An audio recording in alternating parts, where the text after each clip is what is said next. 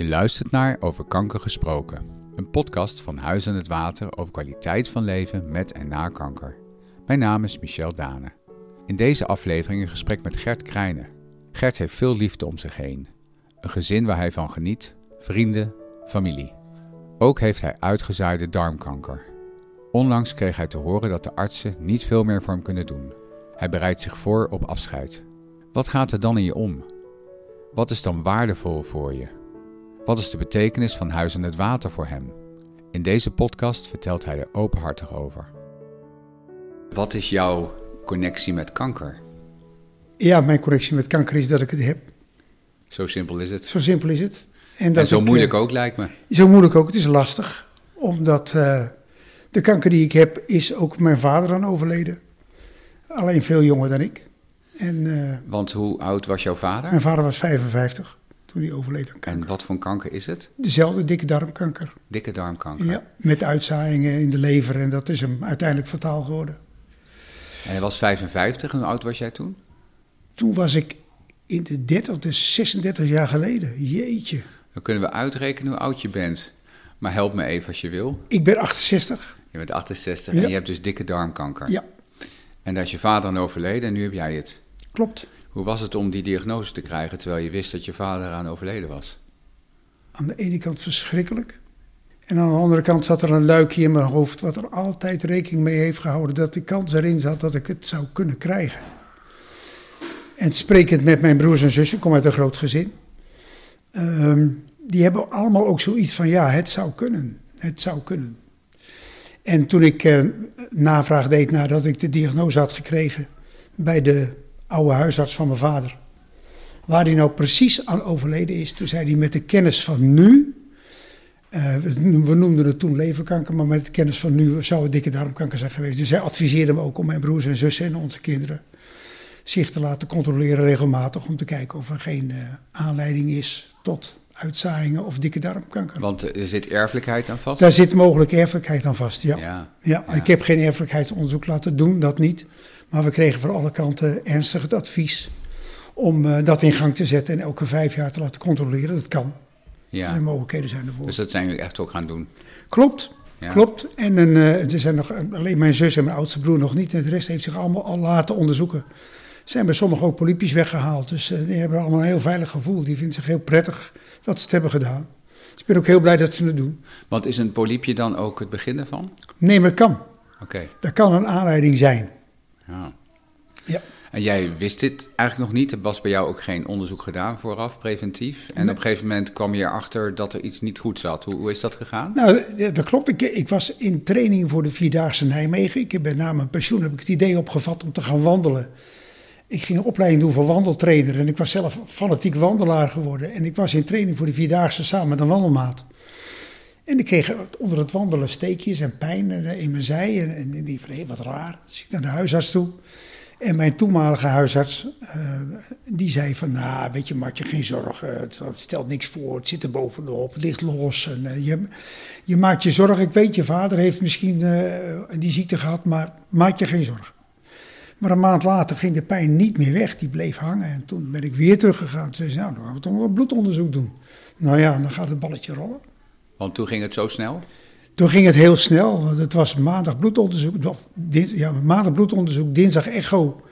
En woensdag gesprek met de huisarts, eh, die zei van ik heb een afspraak voor je gemaakt bij de MDL-arts, bij de maag-lever-darmarts, sorry. In het Meander eh, voor aanstaande vrijdag. En daar kun je, ik zei ja natuurlijk kan ik. Ja. En daar kwam het rare fenomeen tevoorschijn dat de eerste lijnzorg van een huisarts en een specialist soms totaal andere taal spreken. Ze kwamen bij de specialist binnen, die zei, nou dat is geen mooi bericht hè, wat je hebt gekregen van je huisarts. En ik keek mijn vrouw aan, we zaten bij elkaar, we zeiden, "Oh, wat bedoel je met geen mooi bericht? We hebben begrepen dat de alvleesklier er niet goed uitziet, maar wat bedoel je?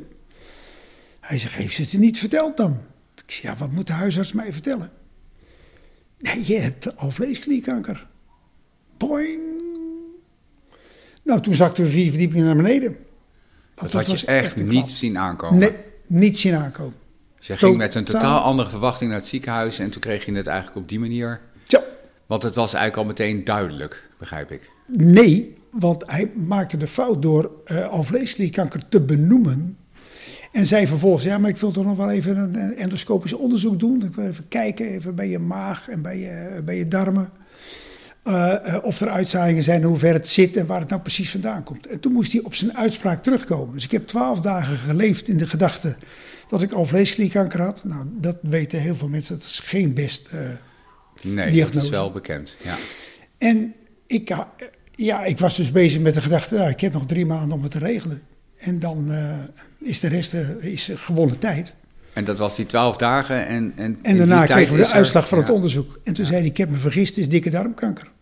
Heeft hij zijn excuses aangeboden? Nee. Want je kreeg eigenlijk als donderslag bij heldere hemel een verkeerde diagnose. Klopt, klopt. Dat was heel kwalijk.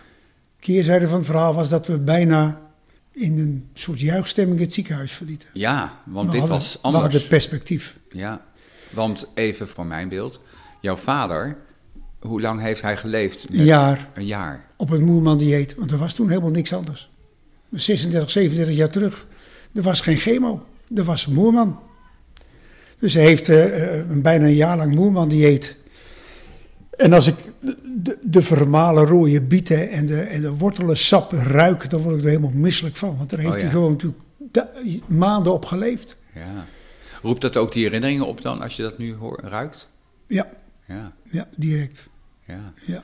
En toen kreeg je de diagnose, je had uh, ja, darmkanker. Ja. En wat gebeurde er toen?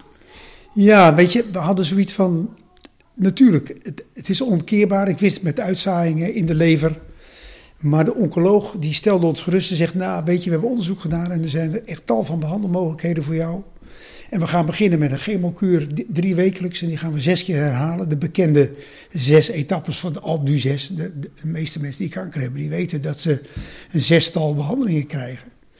En ja, die doet je herinneren aan de Alp 6. Eh, de zes etappes, het is loodzwaar. En aan het eind van die zes kuren, en het was begin december vorig jaar, toen zeiden de oncologen tegen ons: de resultaten bij jou zijn spectaculair goed. Ik weet niet wat ik zie. Het slaat aan en je bloedwaarden zijn goed, je bent gezond.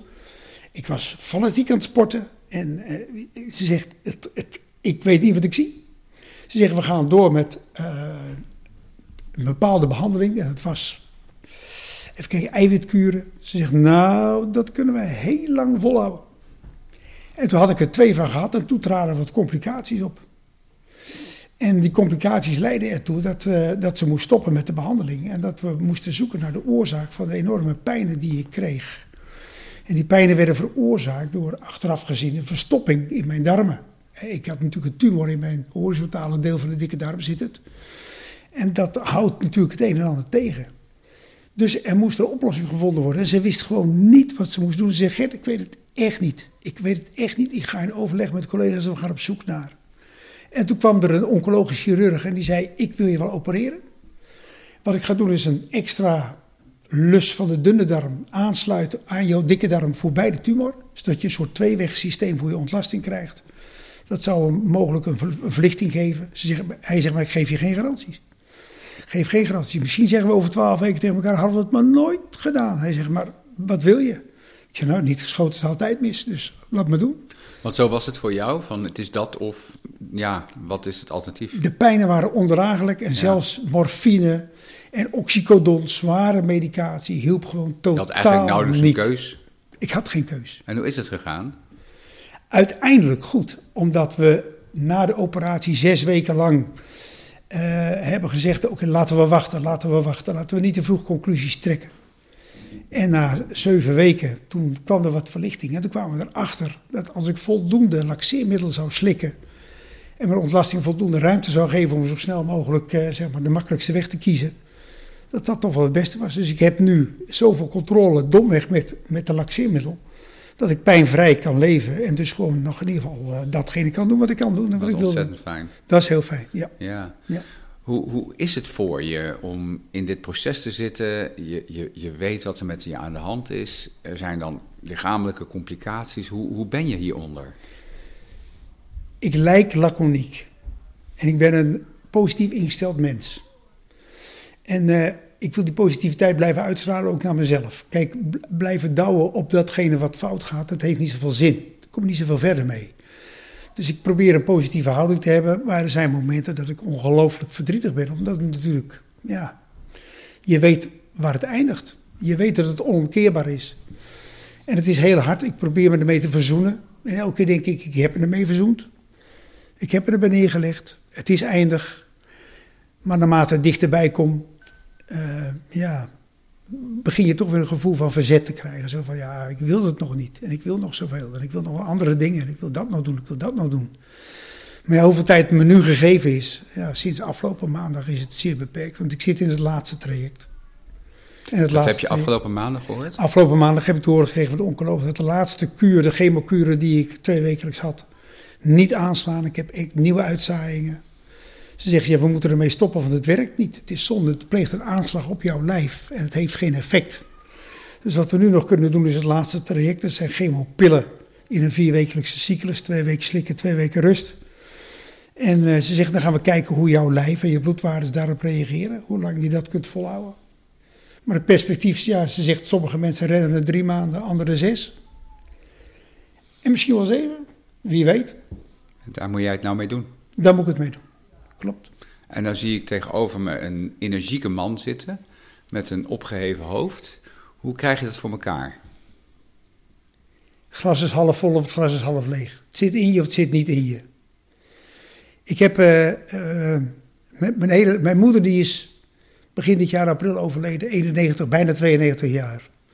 Die heeft haar man, haar grote liefde vanaf haar 55ste, want ze, waren, ze scheelden drie dagen.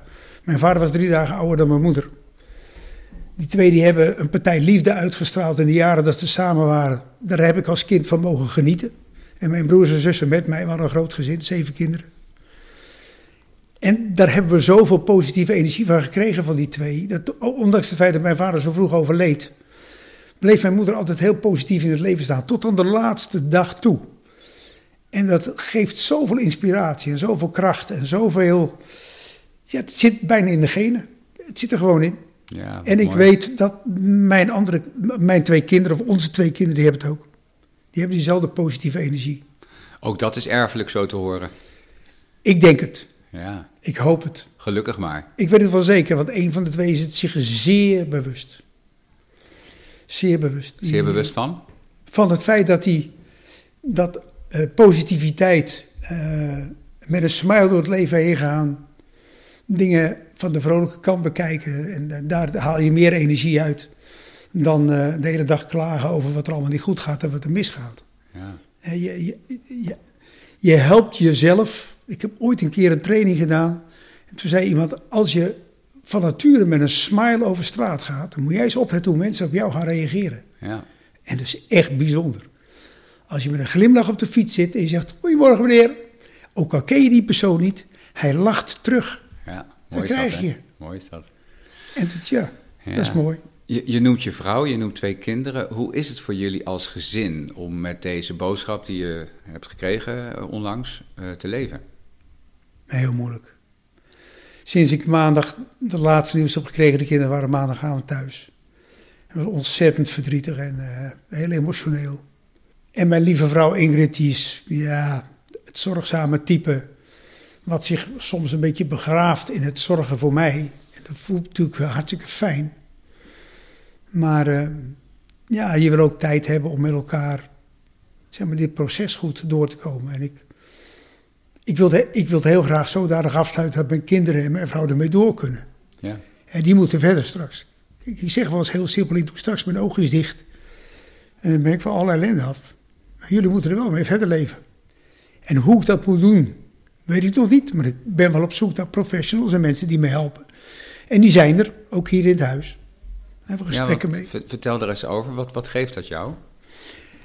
Dit huis is echt ongelooflijk. En we hebben het over Huis aan het Water, voor de goede orde, in Katwoude. Je woont in Amersfoort, dus op zich al uh, merkwaardig dat je hier bent.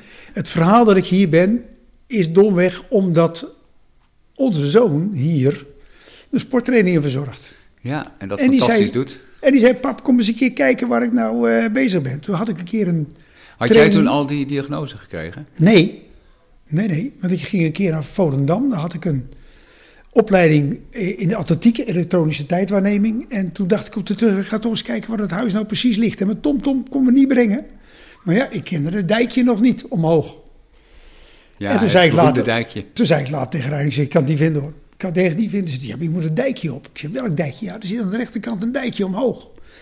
Die week daarna had ik weer cursus.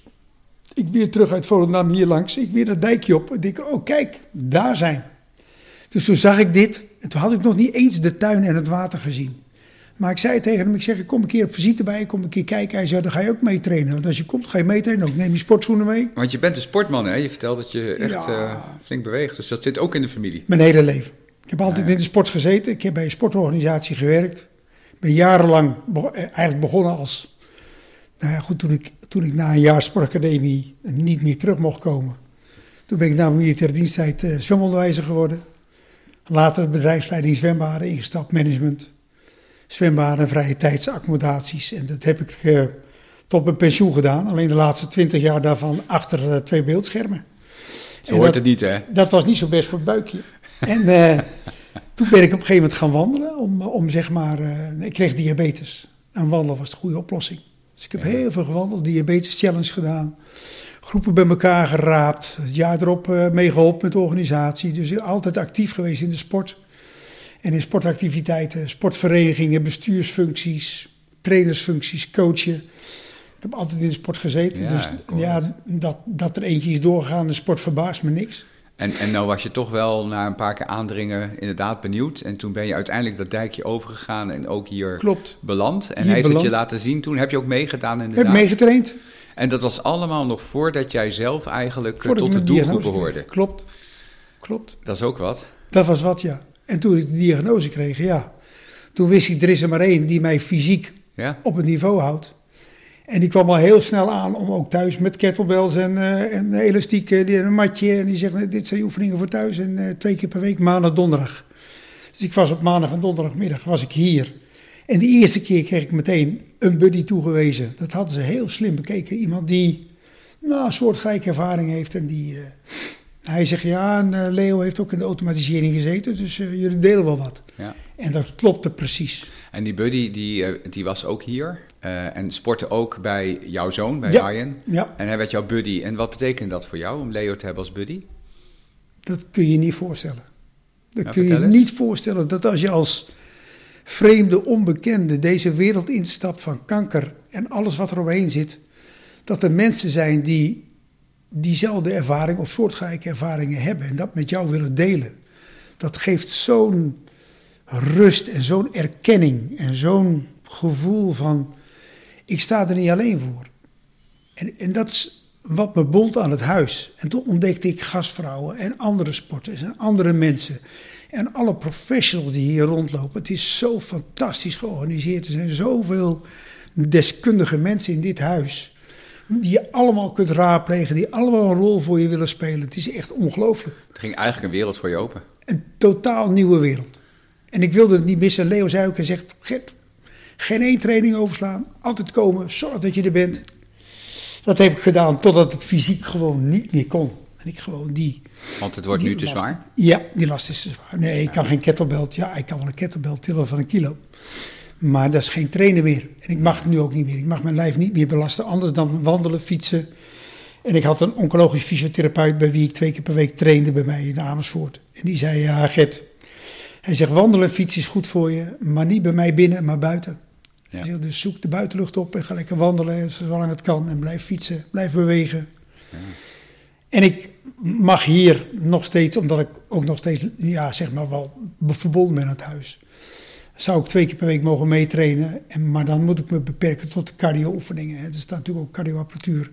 Dus dan kan ik wandelen, dan kan ik fietsen, dan kan ik roeien. Dat zijn bewegingen die ik kan als ik het maar rustig doe. En dan spreek ik mijn, port- mijn sportmaatjes en, de, en sportvriendinnen, want het zijn allemaal lieve meiden die... eh, Nou man, ik bijna niet uitgepraat. Mooi hoor. Die staan op een gegeven dag staan die meiden van dat groepje met een grote bos bloemen en een kaart gewoon voor mijn deur in Amersfoort. Ik kwam even op visite.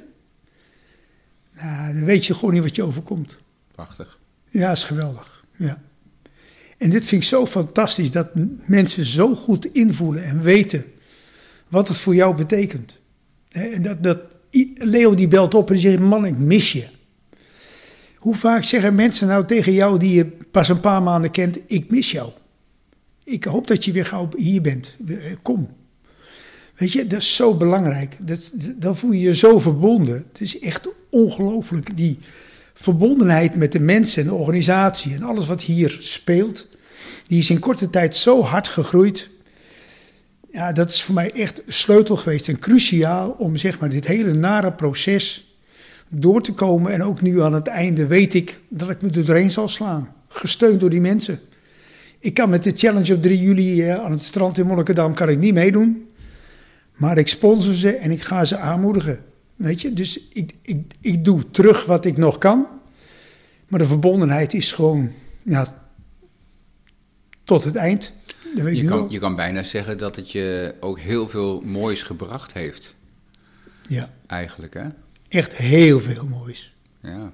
Heel veel moois. Echt, weet je, dus de afstand Amersfoort-Katwoude, peanuts. Stelt niks voor. Nee. Kun, kun, je het, kun je het proberen onder woorden te brengen in, in deze moeilijke tijd? Je hebt er net wat over gezegd, maar kijk of het nog iets meer echt toe kunnen spitsen van wat is het nou op het moment als je zo'n diagnose krijgt, dat je eigenlijk hoort van ja, we kunnen niets meer doen. En je zult moeten toewerken naar een eind en naar een afscheid. Wat is het wat dan die verbondenheid hier jou biedt? Wat is dat? Er zit een het is een soort emotionele klik die je met elkaar hebt, waarbij je zeker weet dat je die mensen niks hoeft uit te leggen. En ook al hebben ze het zelf niet meegemaakt, want ze leven allemaal, ze kennen het proces niet, maar hebben misschien wel iemand van dichtbij meegemaakt. En het is niet van, ik ken ook een oom of een tante die dit of dat heeft. Nee, ze zijn geïnteresseerd in jouw verhaal. En, en willen meedenken in jouw wereld en in jouw situatie. En je weet dat je daar een luisterend oor vindt van mensen die uh, oordeelloos gewoon jou de kans en de ruimte geven om je verhaal te doen, te vertellen. En je voelt je verbonden met die mensen. Ze, ze zijn gewoon zo geïnteresseerd in wie jij bent en wat je meemaakt. Dat is echt. Dat is, het woord vriendschap is nog te zacht uitgedrukt. Bijzonder hoor, mooi. Ja. Ja. Nu, nu zit jij in een hele ehm, ja, bijzondere tijd van je leven eigenlijk. Hè, zo mag ik het ook noemen. Ehm, want je hebt eigenlijk heel mooie contacten om je heen. Je hebt dierbare mensen. Uh, hoe, hoe, hoe, breng je je dagen door na, naast het, het, ja, het gaan naar Huis aan het Water en mensen bezoeken? Wat, wat, wat betekenen de dagen op dit moment voor jou? Nou, ik heb me afgelopen week gerealiseerd, ik ben het type mens wat graag dingen geregeld wil hebben. dus ik, ik, ik, kijk ver vooruit. De fase dat ik al vleesklierkanker zou hebben, heeft me gedwongen in korte tijd een aantal zaken op een rijtje te krijgen die geregeld moesten worden. Dat, is eigenlijk een hoge drukpan, hè, wat je, wat je had toen. Die hebben toen in één keer de, de, ventiel eraf en pssst, dat was allemaal niet waar. Maar diezelfde situatie doet zich nu voor, alleen ik heb er al een keer over nagedacht. Ik ben er al een keer mee bezig geweest. Ik heb al een keer eerder gesproken met mijn huisarts over euthanasie. dat gaan we nu weer doen. En ik heb het nu ook met mijn kinderen besproken. En uh, ja, ja, je komt in een hele uh, wereld waarin ik de behoefte heb om dingen te regelen. Dus ik ben nu bezig om zorgprofessionals omheen te verzamelen die hebben het zelf niet meegemaakt, maar die hebben natuurlijk al eerder in zo'n situatie gezeten. Dus wat voor mij totaal nieuw en onbekend is, dat is voor hem bekend. Ja. Dus dat delen ze makkelijk. Dus ik heb mijn huisarts, die heeft bijvoorbeeld gezegd van ja Gert, ik, ik heb ervaring. Je bent niet de eerste patiënt die gaat overlijden aan kanker en die het eindtraject ingaat en die met een verzoek van euthanasie komt. Dus ze zegt, dat, ik wil niet zeggen gesneden koek, maar ik heb al zoveel jaar ervaring in de praktijk. Ik weet wat, wat, wat er staat te gebeuren. En dat wil ik met je delen, dat gaan we bespreken. En hoe is dat om dat te horen van je huisarts? Heel fijn. Ja? Ja, de huisarts die ik had, die heeft mij eigenlijk een beetje met een kluitje in het riet gestuurd. Dat is die huisarts die zei, nou ja, niks aan de hand. Ja, uh, en na maand kwam je weer terug. Klopt. Maar nu heb je een andere dus. Ja, ik heb nu, het was een praktijk van twee huisartsen. Ik had, was een man en een vrouw. Die man had ik, die overleed. En die werd vervangen door, nou ja, eh, een waarnemend huisarts, een tijdelijk een huisarts, een opleiding. Enfin, je kent het wel, dus allemaal even gaatjes vullen. En op een gegeven moment kwam ik in die situatie terecht dat ze me echt niet goed behandelde en ook verkeerde adviezen gaf. En dat vond ik heel raar. En ik kreeg een medicijn voorgeschreven voor een tekenbeet, omdat ik veel wandelde in die tijd. En toen zei ik, ja, maar kan dat wel? Want ik start van de week met een chemokuur. Ja, zei ze, moet je even uitzoeken wat dat kan. Nou, dat is geen antwoord voor een huis. Oh, dat mag je zelf doen. Oh, ja. Ja. Dus dat was het moment dat ik dacht, nee, nee, nee, nee. nee. Heb je toen zelf initiatief genomen om een andere huisarts te krijgen? Nee, de huisarts, zeg maar, de, degene die, van wie de praktijk is, die zei vrouw? tegen- ja, die wilde een keer met mij spreken en die zei van, eh, hoe zit je erin? Hoe sta je erin? Wat vind je? Ik- Nou, toen vertelde ik een aantal voorbeelden van dingen die ik had meegemaakt. Ze zei, nee. Ze zegt, ik laat jou vrij om nu een huisarts te kiezen. Dat zou ik kunnen zijn. Ze zegt, maar als je zegt, ik ga over naar een ander, kan ik dat volkomen respecteren en begrijpen. Dat je het vertrouwen kwijt bent. Ze zegt, maar ik hoop niet dat je vertrouwen in mij kwijt bent, maar in haar. Ik zei, nou, in haar ben ik het vertrouwen zeker kwijt. Ze zei, nou, dan moet je niet verder gaan met haar. En ik heb gezegd, ik zou graag met jou verder willen. Nou, zei ze, dat zou ik ook heel fijn vinden.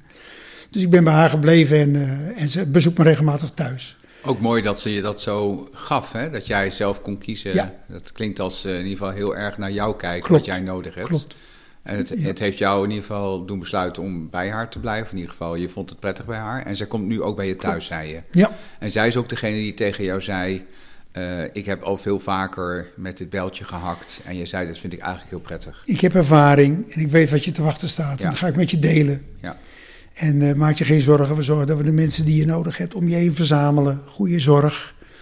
En ik kreeg een oncologische eh, verpleegkundige. Daar heb ik tegelijkertijd gesprek mee. Dan nemen we een.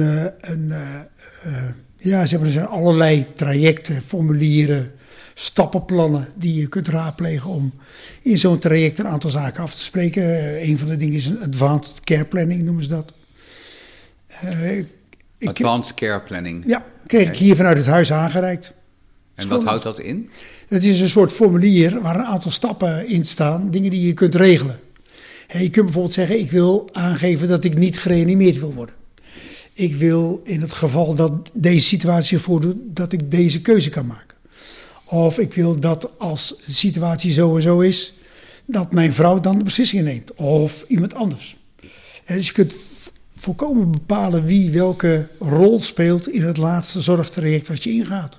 En je zegt, ik ben eigenlijk nogal van regelen. Ik hou, dingen, ik hou ervan om dingen te structureren Ja. en te organiseren. Dus dat is voor jou denk ik goed houvast. ideaal hou vast om dat Ja. te bespreken met de huisarts en met zo'n oncologisch verpleegkundige. En te zeggen, oké jongens, deze beslissingen die leg ik nu op papier vast. Dat wil niet zeggen dat het in marmer gegrift staat. Hè, Het moet enigszins flexibel kunnen zijn, maar dit is wat ik wil. Ja. En dat heb ik met mijn vrouw doorgenomen. Eh, Dus mijn echtgenoot is op de hoogte. De kinderen hebben eigenlijk allebei gezegd, joh, pap, jouw keuze die respecteren we. En onze kinderen zitten allebei, hoe raar ook, eh, toch wel in een wereld eh, die eh, mijn situatie kennen. En naast het feit dat Ryan als trainer mensen met kanker, ex-kankerpatiënten begeleidt, is mijn dochter in opleiding voor maag-lever-darmarts. Dat is ook wel eh, Dat verzin je niet. een groot toeval. Is dat een toeval of is het geen toeval? Dat is toeval. Want ze is Ja. al jaren met die studie bezig en zit in de eindfase nog twee jaar te gaan. Dan is ze specialist. Of heeft het te maken met oorspronkelijk haar opa? Nee, ook niet. Nee, ze wilde heel graag geneeskunde studeren. Had op de eindlijst middelbare school eigenlijk niet voldoende punten om direct toegelaten te worden. Ging een jaar gezondheidswetenschappen studeren. En na een jaar zei ze: Nee, dit is niks voor mij. Toen heeft ze via een zijroute ingeschreven voor, eh, en gesolliciteerd naar een, plek in de opleiding voor geneeskunde. Is ingelood. Ja, en de dochter is het type van tanden erin en niet meer loslaten. Die is echt, dat is een vechter. Als die zich een doel stelt, ja, dan gaat ze dat halen ook. Dus eh, eh, ja, dat was voor ons geen twijfel, die gaat er komen. Ja. En die haalde er, eh, nou ja, zeg maar, de, de nodige papieren in de opleiding en, eh, en besloot om maag-lever-darmarts te worden. Nou, en nu heeft ze aan haar vader eigenlijk een praktijkvoorbeeld. Ja, ik heb Hebben jullie het daar alleen, ook eh, over? Ja, de eerste afspraak die ik met haar heb gemaakt, je bent mijn dochter en niet mijn dokter. Oh ja, belangrijk Punt. eh, verschil.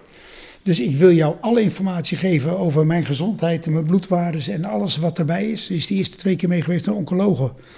Om te zorgen dat alle moeilijke termen werden vertaald. En ook radiograaf, of de verslag van de radioloog heeft ze vertaald voor ons. Zo van, nou, dit staat hier en dit wordt ermee bedoeld en dat betekent het. En toen heb ik gezegd, dit is genoeg. Ik zeg, eh, ik stuur jou, als je dat wil, bloedwaardes en gegevens op als je er wat van wil vinden. Ik zeg, en als je er niks van vindt, vind ik het prima. En als je er wel wat van vindt, ook goed. Maar uh, we gaan hier niet een beetje doktertje spelen met z'n tweetjes. Maar ze weet natuurlijk als geen ander wat me te wachten stond.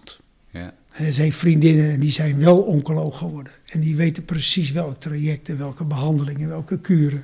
Ja. Maar ze heeft er altijd de mond over gehouden. Ze heeft het wel heel moeilijk. Mooi, ja. Want in haar dagelijkse werk wordt ze natuurlijk ook regelmatig geconfronteerd met uh, darmonderzoeken die ze veel uitvoert. En dat ontdekt ze natuurlijk ook mensen die wel of niet ja, polypen hebben. Of, uh, maar ze vindt het moeilijk, je bedoelt, omdat haar vader dit nu treft. Klopt, ja. klopt. Ja. Ze zegt, ik word er wel de hele dag aan, aan herinnerd, ja. mee geconfronteerd. Ja. Ik kan het niet meer loslaten. veel contact ook nu? Um, we hebben regelmatig contact. En, uh, voor zover een arts die in de praktijk werkt tijd en ruimte heeft voor een gesprek, is ze wel het type mens wat de collega's onderheen zodanig heeft georganiseerd dat uh, als ze de aanleiding vindt om naar huis te gaan of om werk neer te gooien, dan zegt ze: ga er vandoor. Eh, weet je, wij vangen je op. En ze heeft hele fijne collega's.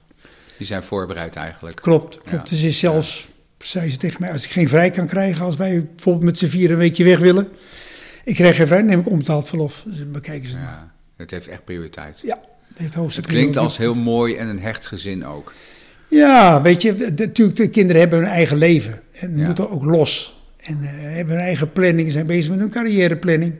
Die moet je ook de ruimte geven. Kinderen moet je, moet je lekker zelf laten loslaten. Weet maar je, ze zijn wel erg bij, bij, bij jou betrokken. Ze zijn uh, uh, gelukkig mijn vrienden geworden. Ja, ik kan echt zeggen dat onze kinderen. Ik heb een relatie met de kinderen waarbij het niet meer is van ouder kind, maar echt. Uh, ja, vader-zoon nog wel in sommige situaties. Hè, en vader-dochter, maar we zijn meer gelijkwaardige vrienden met elkaar geworden. Ze zijn inmiddels ook over de dertig, hebben een hoop ervaring. Ook levenswijsheid. Ze hebben natuurlijk al het nodige meegemaakt, allebei. Ja. En dat is mooi om dat te horen, om dat te delen. En zo'n weekend, we waren laatste weekend met z'n vieren bij elkaar, was echt fantastisch, zo waardevol. En dan heb je tijdens een strandwandeling gewoon een heerlijk gesprek met elkaar. En dan uh, kun je alles zeggen tegen elkaar wat je wil. Ja, dat, is echt, dat, zijn, dat zijn herinneringen, dat zijn momentjes, die zijn goud waard. En eigenlijk is zeg maar het hele leven maken van herinneringen. Hm. En dat doe je aan het eind van het leven extra. En wat zijn voor jou op dit moment herinneringen die, die wel eens terugkomen, waar je regelmatig aan denkt nu, uit jouw leven? Oh, dat zijn of is het te veel om op te noemen? Nou, is te veel. Het gaat over werk, het gaat over je carrière, het gaat over je vrije tijdsbestedingen. Ik, uh, Rijn heeft een tijd gespeeld in een merkenvoetbalteam, wat in Amersfoort eigenlijk op sterven na dood was. Excuseer mo. Uh, maar dat heb ik mee helpen opzetten en weer een nieuw leven inblazen. Daar hebben we een bloeiende merkenvoetbalvereniging van gemaakt die toen ik het losliet en andere mensen zich ook wat terugtrokken, weer in elkaar gekakt is. Maar ik ga zaterdag wel met een stel van die mannen die toen in het team zaten naar Duitsland toe. Om naar een meke voetbalwedstrijd te kijken waar nog een aantal jongens uit het team in Duitsland spelen. Zo. En dat, ja, dat zijn zulke waardevolle momentjes om dat nog een keer mee te maken samen. Ja, natuurlijk. Prachtig. Weet je, Rijn is gaan motorrijden, dat heb ik zelf ook jaren gedaan. En toen die motor kocht, heb ik gezegd: jongen, één ding, wij gaan samen nog lekker een keer een dagje toeren. En die staat nog op de bucketlist, om maar even zo te zeggen. Ik heb geen echte bucketlist, maar dit is wel een wens die ik heel graag in vervulling zie gaan. Ja. En dat gaat gebeuren ook, ja, zeker weten. Ja. ja. Wat mooi. Dus eigenlijk hoor ik heel veel mooie herinneringen. Prachtig. Op allerlei vlakken. Ja, vooral het gezin, de vakanties met de kinderen, bijzondere momenten. Een schoolcarrière, diploma's. Als ik je zo hoor praten, kan ik zeggen dat je gelukkig bent. Ja. Ja, ja ik kan echt met recht zeggen dat ik als een gelukkig mens mijn leven zal beëindigen. Ik heb hartstikke mooie dingen meegemaakt. Ik heb een ontzettend lieve vrouw. Prachtige kinderen, waar ik apen trots op ben. Wat wil je nog meer? Lieve vrienden, fijne buren, fijn gezin, weet je.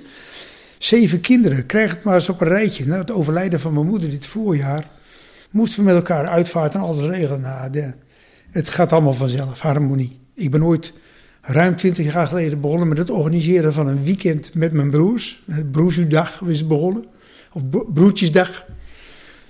En dat die twee meiden, want ik heb twee zussen, die zeiden van ja, ho, ho, wacht eens even, broertjesdag, wij zijn er ook nog. Dat kan zomaar niet. Dus daar hebben we uiteindelijk besloten om er een uh, broerzu-dag en een broerzu-weekend van te maken, broers- en zussenweekend. Elk jaar organiseren twee van de zeven het weekend. Vrijdag, zaterdag, zondag. Uh, we sparen elke maand in een pot. Ik ben de penningmeester van de club. en uh, die krijgen een bepaald budget om uit te geven. En dan maken ze een programma. En de rest van de andere vijf weten helemaal niks. Je krijgt een lijstje, daar moet je zijn, dat moet je meenemen. Zo laat vertrekken we. En dan begint het grote, hoe zal het weekend eruit zien? En het is altijd En feest. dit is al twintig jaar zo? Ja, ruim 20 jaar. Ik geloof dat we al, al bijna 25 jaar bij elkaar Ik hoor echt verbondenheid als een centraal thema bij ja. jou. Hè? Ja. Tot slot, um, vooruitkijkend.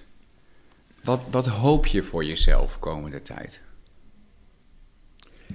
Ik hoop dat me nog voldoende kwaliteitstijd gegeven is om met de mensen die belangrijk zijn geweest in mijn leven, of nog zijn, op een goede manier, zeg maar, dat af te sluiten. En te zeggen wat je wilt zeggen en te delen wat je wilt delen. Dat je er voldoende tijd voor hebt. En dat de anderen niet achterblijven met had ik maar. Als ik terug, ik had toen dit en ik had toen dat moeten doen. Kijk, toen mijn vader overleed, heb ik ook zo'n moment gehad van. Misschien had ik toch wat vaker en iets meer en nog een keertje. Uh, dat hoop ik niet dat mijn kinderen of mijn vrouw of mijn vrienden uh, dat zal overkomen. Dat geloof ik niet. Daar ga echt mijn best voor doen. Maar daar heb ik wel tijd voor nodig. Tijd om dichter en nader bij elkaar te komen en uit het hectische leven te kunnen vluchten. Om je te kunnen laten zinken in nou ja, de wereld van emotie en liefde. Want het enige wat telt is liefde. Laten we daarmee afsluiten. Lijkt me goed. Dankjewel voor je openheid.